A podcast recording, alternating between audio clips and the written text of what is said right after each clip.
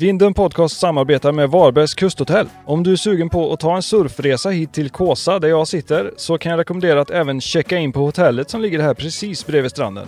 Där kan du tina upp med en bastu och varva ner i spaavdelningen direkt efter surfet. Så gå in på varbergskusthotell.se, klicka på boka-knappen uppe i hörnet och ange koden VINDEN för 20% rabatt på övernattningar och spapaket. Hoppas vi ses! Vinden Podcast görs även med support från Fiber Fika Bars. Ett före och efter surfsnack fritt från gluten, nötter och utan tillsatt socker. Jag har testat nästan alla smaker nu och landat i att favoriten nog ändå är den som heter Brownie. Kolla in den och alla andra varianter på fiber.se. Alltså F-I-B-R.se. Tack för det Fiber!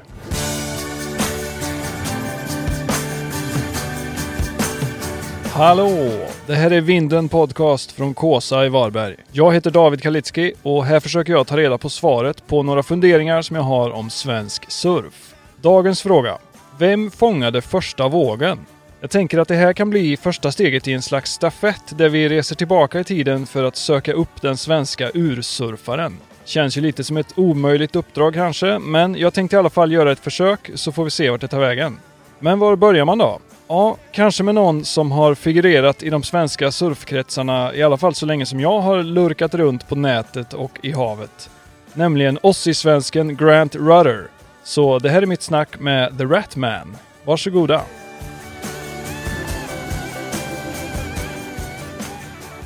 Välkommen då till Vinden Podcast. Tack så mycket. Hur, är- hur är läget? Jag mår jättebra. Du då?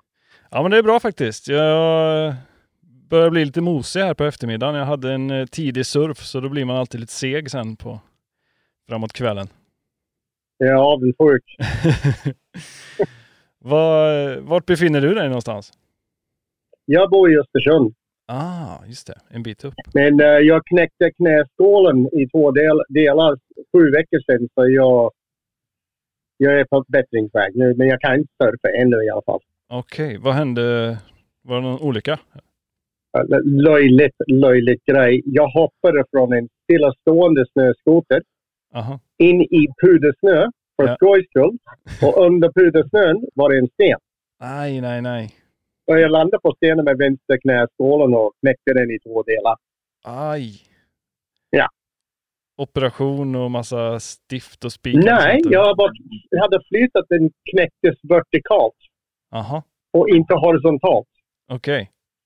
Så det spräckte i två delar, sprack i två delar, men ehm, den har typ läkt ihop ganska bra nu. Så jag tror jag kommer att bli som 100% återställd utan att behöva någon typ av operation eller någonting. Ah. Och eh, snart ska jag in på sjukgymnasten. Och, men jag kan, jag kan gå upp och ner för trappan nu utan problem och gå ner på huk. Mm. Men jag har inte full styrka såklart. Jag hade fyra veckor när jag i princip satt på soffan. Jag kunde inte göra någonting. Okej. Så jag tappade lite struktur och, och styrka i knät, alltså runt knät i låret. Jäklar. Ja. Men det, det går. Alltså det, om du såg mig skulle du inte se att det hände. Men när jag går upp och ner för trapporna märker jag då, och när jag försöker belasta den med mer än 30-40 procent vikt, då känner jag av det. Ja. Men varje dag, varje vecka blir det bättre. Så jag har för mig att inom ja, en, två månader är jag typ ganska bra och kan surfa igen. Ja, gött. Det ser du fram emot kan jag tänka mig. Ja, Det blir lagom, till, lagom till våren där uppe då kanske. ja för det är fortfarande ganska massa slask och is och allt det vi surfar nu. Ja. Är det oftast eh, fruset eh, där uppe? Fram till nu eller? Hur ser det ut? Eh, när jag först flyttade hit början på 2000-talet, då frös det, inte varje år, men ofta. Ja. Och, och om det inte frös, då blev det som slask och stora isklumpar. då. Men de senaste åren har det varit kortare när det blir slask och sånt där. Och sen till och med har det varit vissa år när det inte blivit någon slask överhuvudtaget. Jaha. Så ja, vi har märkt en förändring, det har vi gjort. Ja, det är ju läskigt alltså. Mm. Men det är bra, det är bra man kan surfa. Ja, exakt. Vi får se det från den ljusa sidan. Men det är svinkallt ändå. Ja. Det, jag tänkte innan vi går in på dagens ämne så brukar jag köra en grej som jag kallar för vågvalet. Det är några lätta antingen eller-frågor. Okej. Är du beredd? Jajamän. Eh, högervåg eller vänstervåg? Spelar ingen roll. Är du eh, goofy eller regular? Goofy. Du kör båda hållen. Vad blir det Ja. of- oftast? Det spelar ingen roll. Jag har surfat sedan jag var fyra år gammal. Jag jag blir 62 i år. du kör vad som helst. Okej. Jag, eh, jag kör båda. ja, beach break eller point break? Spelar ingen roll. Men vi säger point. Ja. Longboard eller shortboard? Både och. Eh, morgonsurf eller kvällsurf? Heldagssurf. det är bra. Eh, vi tar några lite längre då här. Eh, lugna knähöga linjer eller kraftigt huvudhögt kaos? Kaos. Du gillar den stora, de stora vågorna? Ja. Okej. Eh, den här är lite, lite kyla-relaterad. 15 minus och 0 personer i vattnet. Eller 15 personer i vattnet och nollgradigt. Oh. ja, det är en bra fråga. Ja.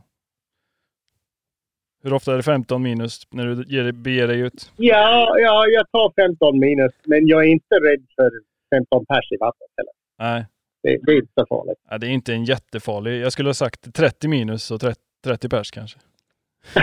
ja, precis. Men, Eh. men ska vi säga 200 pers i vattnet och 35 Ja, mot, mot 0 Ja. och 15, då tar jag 0 och 15. ja det förstår jag. Okej, en sista då, lite relaterad till ditt eh, andra hemland. Eh, spetsig fotboll och rund nos eller spetsig nos och rund fotboll? Vad, var det första? En spetsig fotboll, alltså en sån som ni kallar fotboll. En rugbyboll. Ja, rugby. Ja, men det, för mig är det rugby. Jag Ja. spelade rugby Ja. Ja, rugbyboll och rundnos eller spetsig nos och rund fotboll. Eh, Rugbybollar runt om. Okej. Ja, det är bra. Om det, om, det kan, om, om, om det kan vara så. Ja, jag tror det. Jag tror det. Jag förvirrade mig själv nästan. Ja. ja, du är ju från Australien, eller hur? Ja. När flyttade du till Sverige? Den 30, 30 november 1999. Ja, jäklar. Hur kom det sig? Ja, alltså jag hade faktiskt bott i Sverige innan. Men som ska man klassa mig för? Ja, jag kom hit på en turistvisum efter jag hade träffat min sambo i Thailand. Ah, Men eh, då stannade jag kvar här och förlängde visumet två gånger. Så jag var här i nio månader. mhm. Och sen blev jag utslängd. För att eh, de, de ville inte förlänga den någon mer. Nej, nej. visum, alltså turistvisum alltså. Så jag åkte till England. Och så var jag där i sex månader och efter det kunde jag alltså få ett nytt visum.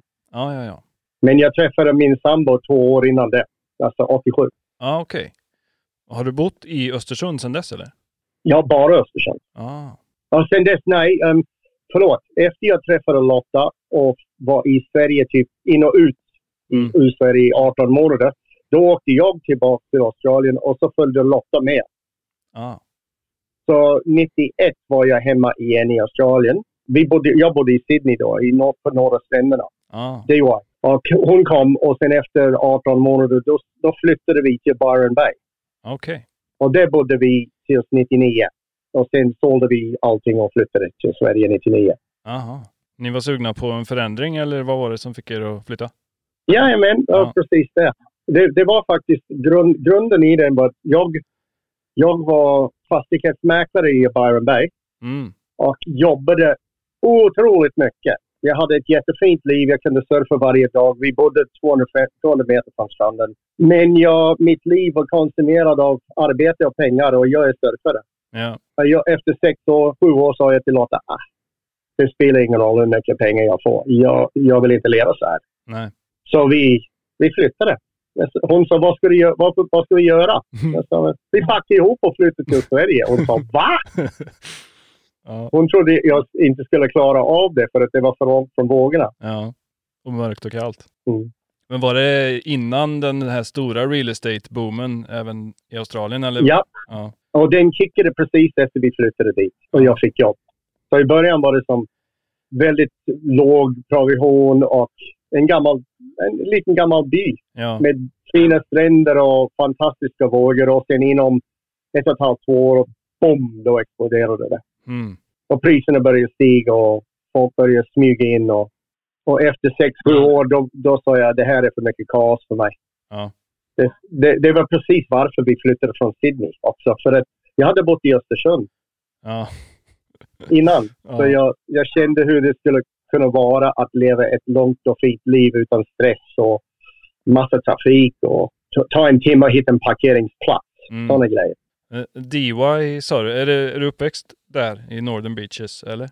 Ja. Ja, Du har Manly och sen har du uh, Freshwater, Curl Curl, DY. ah, okej, okej. De, bi- de stränderna i rad. Ja. Freshwater var jag baserad i en liten stund. Så då kommer jag ihåg att vi gick en gång och då var, hamnade vi nästan i DY. Det blev ju godare och godare ju längre norrut man kom kändes det som. Ja, det, det är 17 stränder på, no- på, på norra stränderna. Det är 17 Mm. stycken i rad. Det är en ganska kraftfullt beach break va? DY. Ja, alla, alla stränder i, i Sydney, både södra stränderna och norra stränderna, det, det finns point breaks, beach breaks, slabs, allt. Ja. Vänster, höger, Du började där när du var fyra, sa du? Ja. Ja, på DY ja med min pappa. Du lärde dig nästan surfa samtidigt som du lärde dig simma då? Ja, Ja. det var, det var ihopkopplat. Ja, precis. Det är en sån himla lyx ändå att lära sig så tidigt och få det med i muskelminnet från fyra års ålder. Ja, alltså, egentligen kunde jag säkert simma innan det, men det kommer jag inte ihåg. För att jag spenderade mycket tid med pappa på, på stranden och det var inte bara surfbrädorna. Det var, vi bodysurfade med, med simfenor och allting. Alltså, Mm. Jag kommer ihåg att jag låg på hans rygg och tog uh, händerna runt hans nacke bakifrån. Ja. Så simmade vi ut och så bodysurfade han in med mig på ryggen. Mm. Så liten var jag. Det kommer jag ihåg.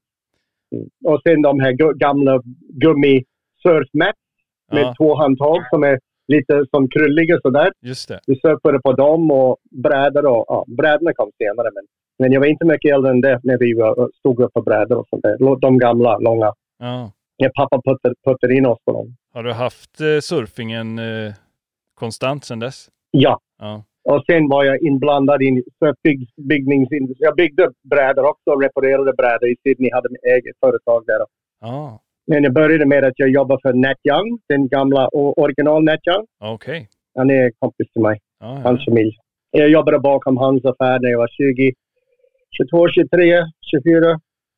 Det- Jag jobbade där tills jag stack till, Mm. till Thailand. Mm. När han sålde affären, då packade jag ihop bakom hans affär och så stack jag och så träffade jag Lotta. Och när jag kom tillbaka, då öppnade jag eget.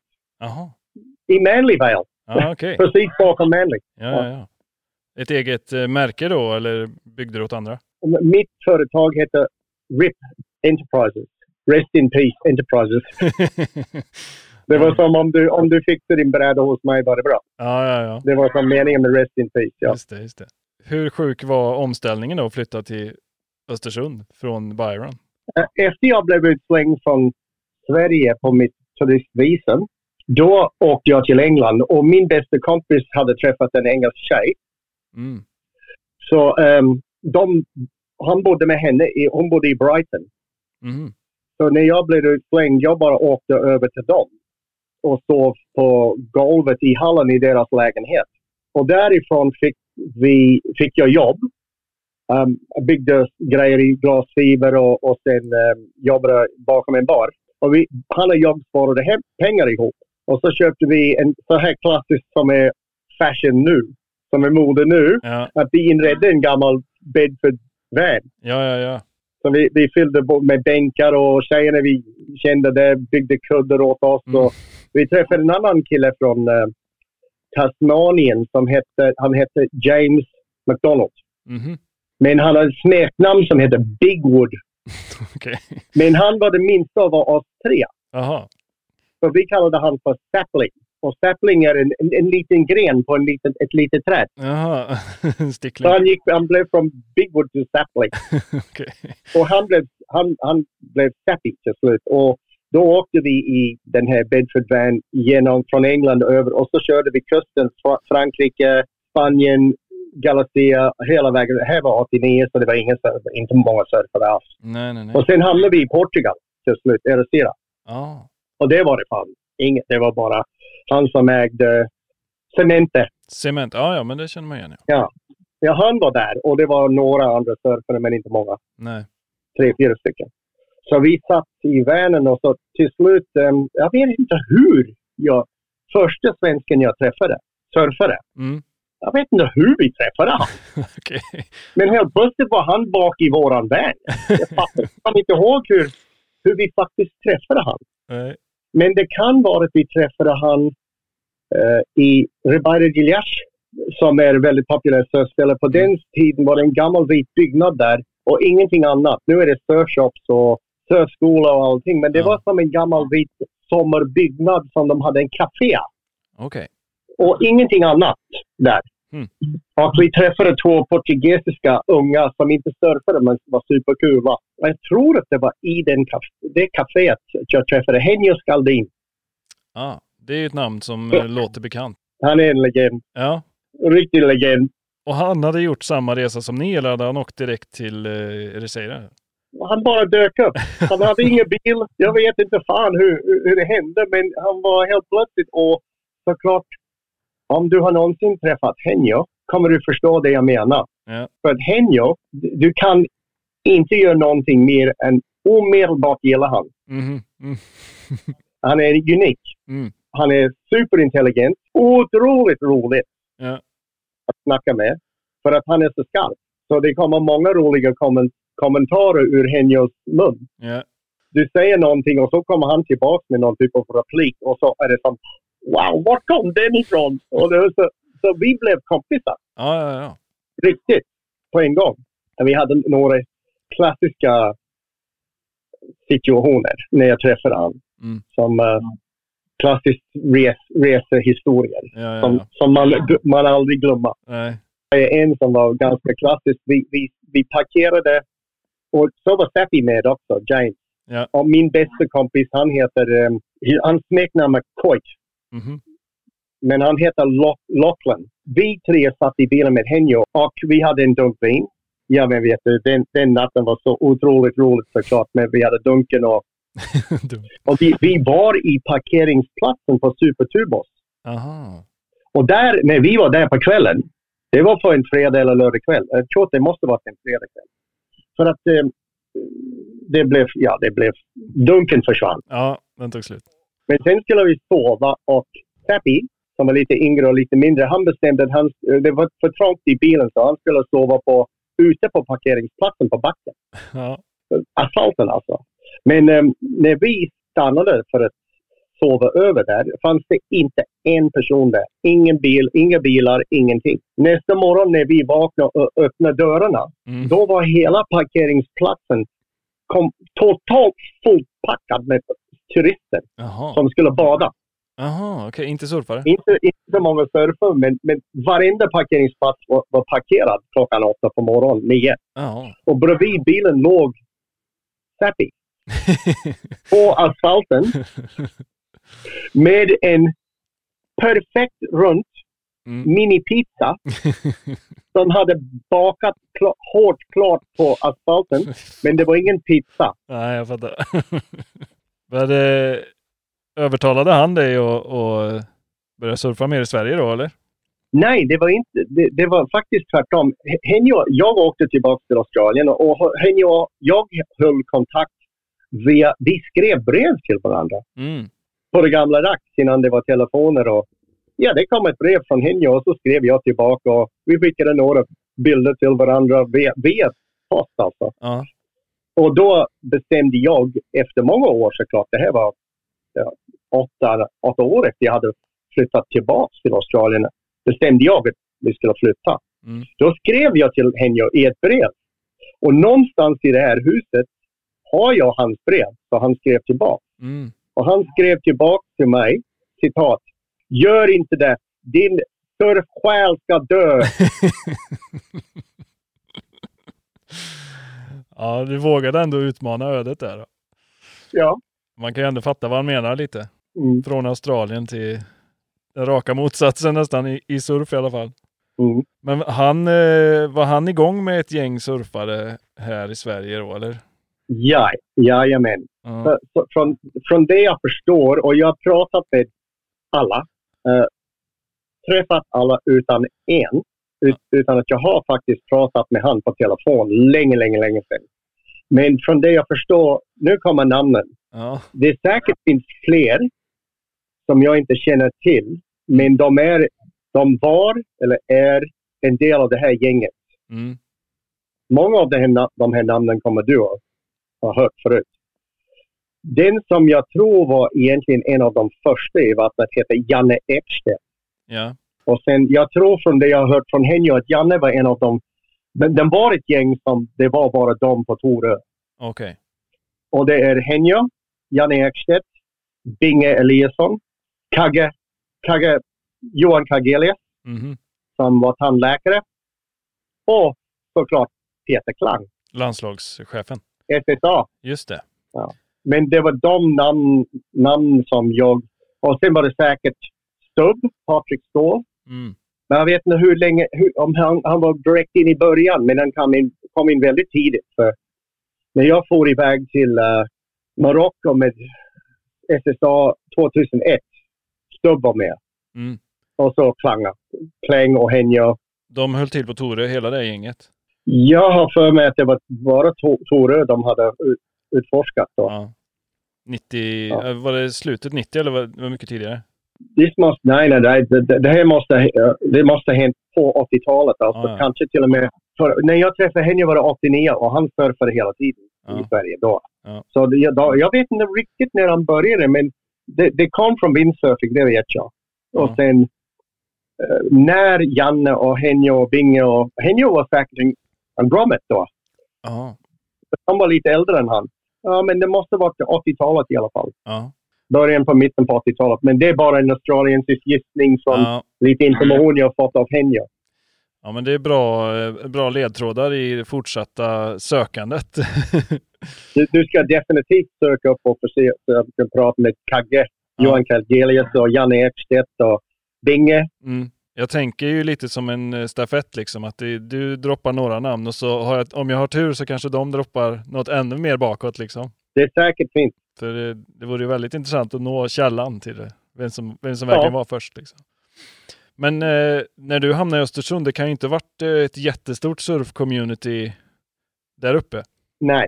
Var du i princip själv eller fanns det någon annan? När jag, när jag först kom hit var det den enda, enda australienare i Östersund som surfade.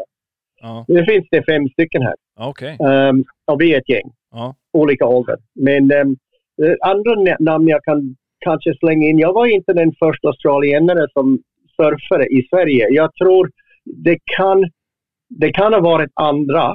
Mm. Men det finns ett namn som heter Mark Dempsey. Okej.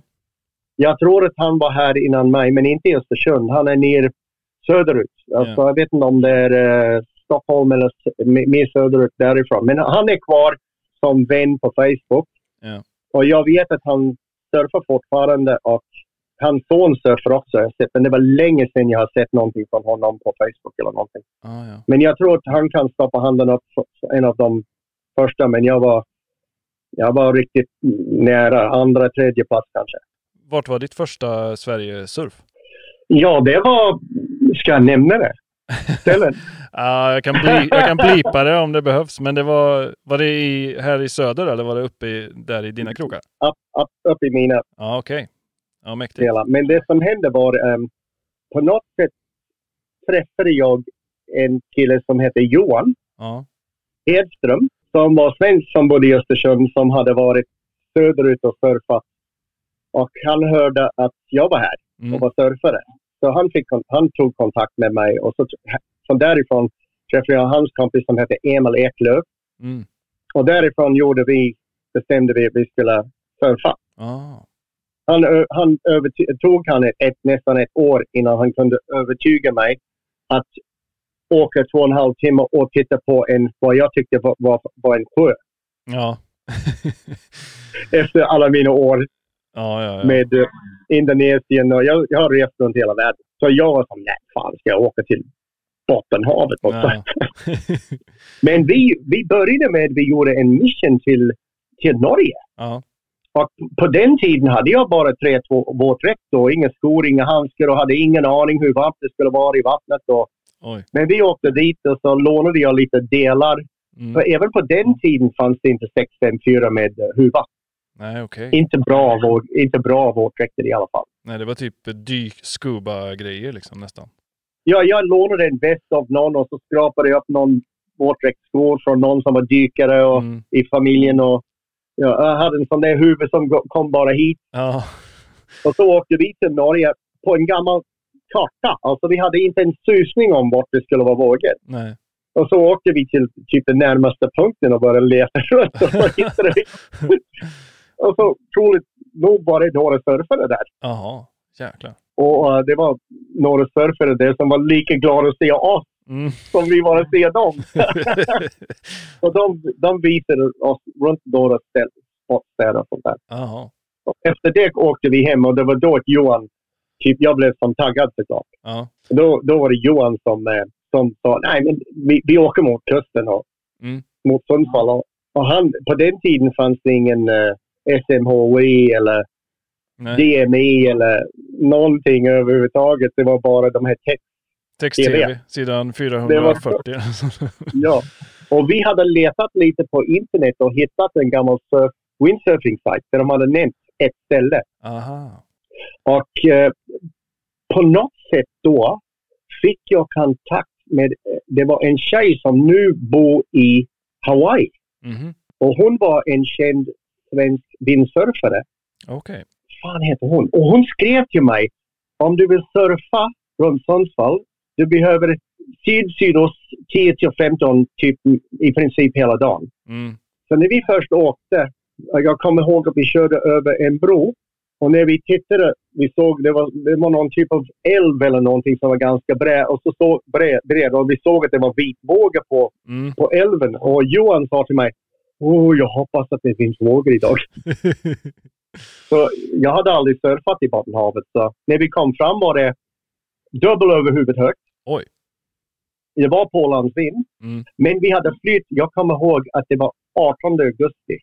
Och jag hade bara en 3-2 och inte en susning hur varmt det skulle vara i vattnet. Men när jag sprang ner och stoppade handen in och kändes som det var typ 17-18 grader. Mm. Så det var som, ah, okej. Svängde på 3-2 och så surfade vi i 4-5 timmar i riktiga vågor. Alltså kraftiga, stora vågor. Vilken start ändå. Ja, för att det kunde ha varit en bomkörning. Ja, ja, ja, visst. Och så återvände ni dit sen eller hittade ni fler ställen? Ja, det var så att eh, på den tiden här uppe, det var bara Johan och jag och, och, och Emil. Och sen ehm, träffade jag en kille från Kalifornien Mm. som bor i Östersund. Och så var han med i gänget. Och sen, men varje gång vi åkte till kusten visste vi bara på ett ställe. Ja. Och eh, hade inte så mycket tid att leta. Nej. För att ehm, det är två och en halv timmar och jag hade små barn och Johan hade barn. Så vi bara såg när prognosen var bra så åkte vi. Ja. Men såklart var vi nyfiken hela Ja. tiden. Men varje gång vi åkte till kusten träffade vi aldrig någon. Nej. Det var bara vi i vattnet. Men till slut snubblade vi på två tjejer som har slutat att surfa nu. Mm. Julia och Lisa. Och de träffade vi ibland. Vi ringde till dem så vi träffade dem Mm. när vi var där. Och sen dök det upp några till som började surfa. Som vi har fortfarande kompisar med dem. En bor i Lofoten nu, Mm. Oskar Nordin. Och eh, det är en till. Och sen hittade vi, jag vet inte hur vi hittade det, men vi hittade ett annat ställe som är känd nu, Smitingen. Mm. Och, och där, när vi åkte dit, det fanns inga folk i vattnet, det var bara vi. Mm. Men en dag åkte jag dit och det var en kille som satt ute i vattnet som hade skägg. Och, och då det, träffade vi Oskar som bor i Härnösand. Och därifrån kom det in några trådar att det fanns andra som hade varit och surfat där innan och var borta. Men, men hemma var Härnösand. Mm. Ja, sen därifrån har det växt eh, med lo- locals alltså. Det, Ja. Vi är, kallar mig för local på kusten, men jag var där jättetidigt så jag kallar mig för local. Ja. Men jag bor i Östersund. Men på, vid kusten nu finns det några stycken som som vi träffade. Vi träffade de som eh, var local i Sundsvall. Ja. Drop Dead Fred och Per. Och sen ehm, kom det fler som har flyttat till Sundsvall. Till, fler som har flyttat till Härnösand runt där. Ja. Så det, det är aldrig crowd i vattnet. Men, Nej. men eh, vi känner varandra allihopa. Så vi ringer till varandra. Och, och sen dess har massa andra små ställen hittats som är secret. Som är. Ja, jag minns ju väldigt tydligt, eh, det, här var innan jag började surfa i Sverige, men jag, jag hängde mycket på de här eh, surfforumen. På de tidiga För Sverige. Surf-Sverige och vad det nu hette innan. Kall, kallsupen va? Kallsupen. Det Ja. var där jag fick informationen om det vi surfade första gången. Kallsupen. Ja, för jag, jag minns ju dig som Ratman från de här eh, du var väldigt aktiv på forumen och la upp sådana sjuka liksom, bilder man knappt kunde tro var Sverige. Liksom. Det var alltid så här klina, långa väggar. Och... Det kändes alltid som att du hade väldigt bra koll på dina zoner där uppe. Vi har fortfarande. Ja, Och de, de ställen, de spots, de finns kvar. ja. Har du, finns det spots som du liksom har där du vet att du mer eller mindre var först eller? Ja, det som är frågan. Som vi, vi, vi trodde vi var först när vi först åkte till Sundsvall. Vi, vi såg aldrig någon annan. Nej. Men sen till slut hittade vi att det var två grabbar som bodde i Sundsvall som vi har träffat och är kompisar med. Ja, Jag har varit kompis med dem sen dess. ja, Och de hade surfat det, men vi såg aldrig dem när vi var där. nej.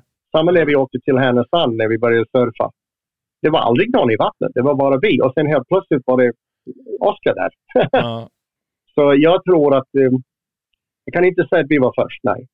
Men det kändes som vi var. Det var ju en lite annan, annan tid också. Informationen gick ju lite långsammare ändå än vad det gör nu. I alla fall med sociala medier. Och såklart, när det började komma ut alltså massa information, då försvann jag. Och då gick du under, under jorden eller? Ja.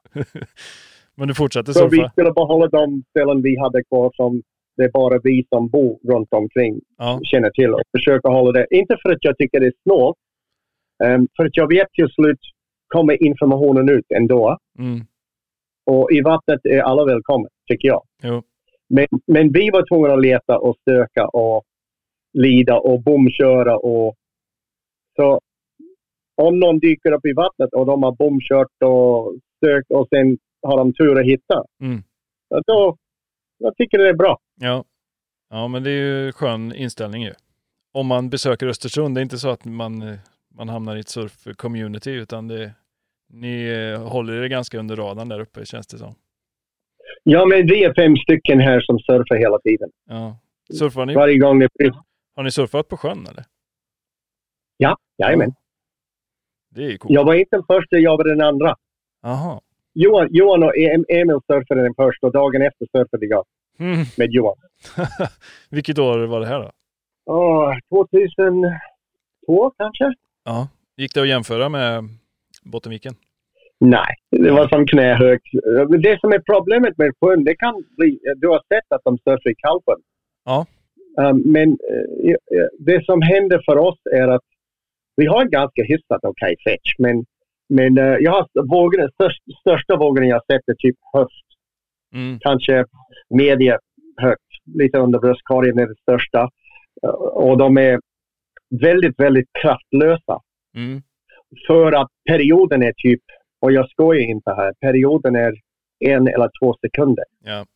Så du kan inte, du kan inte surfa dem på en shortboard. Det Nej. går inte. Du måste ha en riktig 9-6 longboard. Men du hinner inte vända Nej. Och paddla på dem innan de har åkt förbi. Nej. Så du måste sitta med ryggen emot Aha. och vänta för dem. Och så kommer det tre fyra vågor jättenära varandra. Så det, och så faller man på och kan du surfa i typ 40 meter, 50 meter. Alltså man surfar hela sättet då nästan, mer än en våg.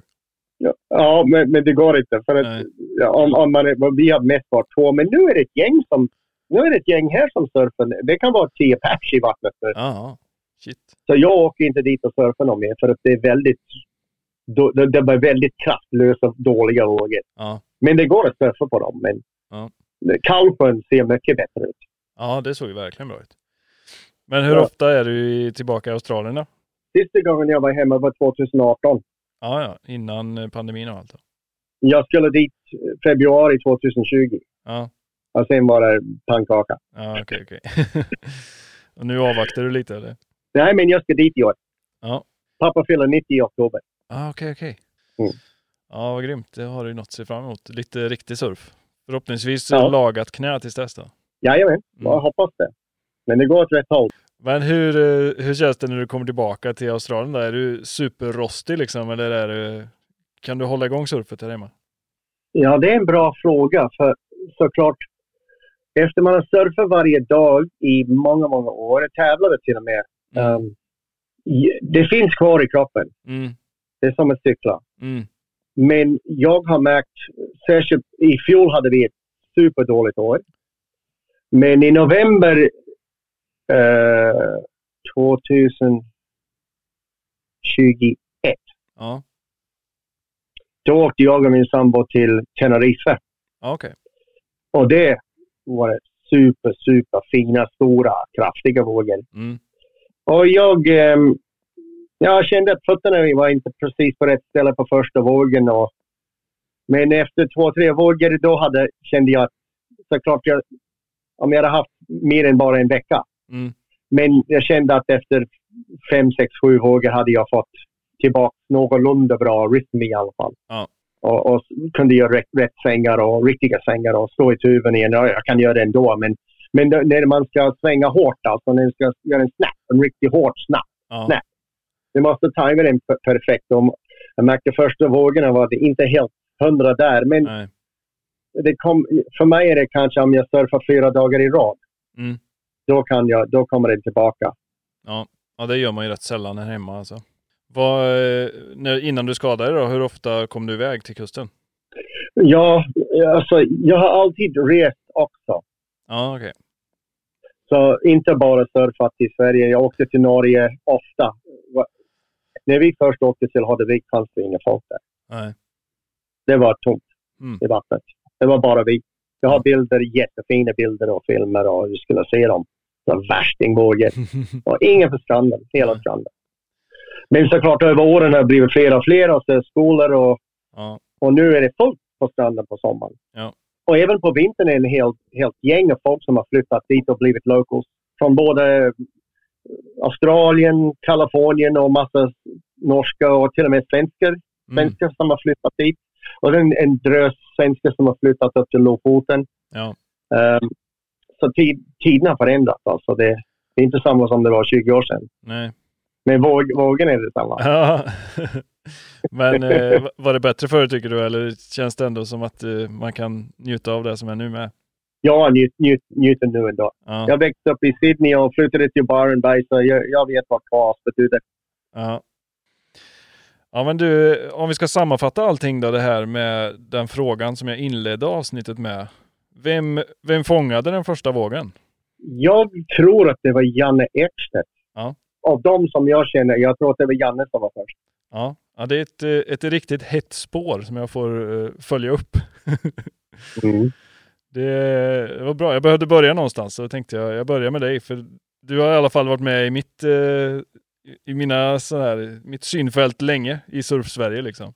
Ja, det var riktigt kul att prata. Ja, det var kul att höra hur, din story. Jag hoppas att du letar dig ner till västkusten någon gång.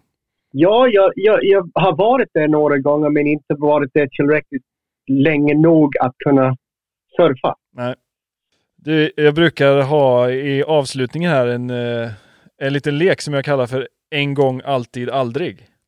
En gång, alltid, aldrig. Ja. Okej? Eh, jag kommer säga tre spots. Du får välja ett som du vill surfa forever, ett som du kan tänka dig surfa en gång till och ett som du bara väljer bort helt och hållet. Är du, Okej. är du med på reglerna? Det första spottet är alltid Kåsa Beach här där jag sitter och spelar in i Varberg. Eh, Aldrig. du måste höra alternativen först. Eh, och det, Ja, an- det andra säger vi ditt hemmaspot då, DY. Och så Mm. tar vi som en liten joker, eh, ja det, det namnlösa spottet som du pratade om, som var ert första försök då. Vi tar en gång till DUI Ja. och sen eh, alltid, Mm. Den nam- namnlösa spot. Ja. Och aldrig, Kåsa. Kåsa. Ja, men det är bara för att det är, bara, det är så jävla långt för mig. Om jag ska åka dit kan jag flyga till Portugal. Ja, ja, jag förstår. Eller åka till Norge. ja, verkligen. Men om jag var i, om jag var där, Ja, ja, då skulle jag paddla. Det Ja. garanterat. ja, jag förstår.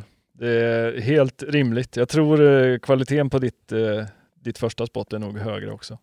Jag tar, eh, jag tar Janne Ekstedt och söker upp honom så får vi se om det var han som var först. Mm, det skulle vara, jag skulle gärna vilja lyssna på den Ja, podden också. ja vi Och, och även om du inte hittar han, de som du letar igenom för att hitta någon, Ja, skulle jag gärna vilja höra att du skriver till mig så jag kan lyssna. ja, det ska jag absolut göra. Vi, eh, fortsätt, fortsättning följer helt enkelt. Ja, för att det är någonting som jag tror har blivit lite bortglömd och Mm. det är da- dags att det kanske gräva upp innan själva riktiga sagan försvinner. Ja. Bra slutord. Vi, vi säger så för idag tycker jag. Kul David! Det var Ja. kul att prata med dig. Kul att vi fick till det. Du får eh, ta hand om dig så eh, hörs vi av på något sätt. Ja, detsamma. Gött. Sköt om dig. Ha det bra. Hej då!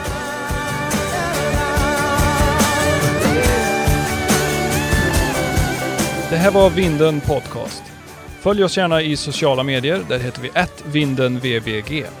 Om du har någon fråga eller förslag på gäst som du vill höra här i studion så får du gärna skicka ett mejl till podcast@vindenvbg.se eller skicka ett DM.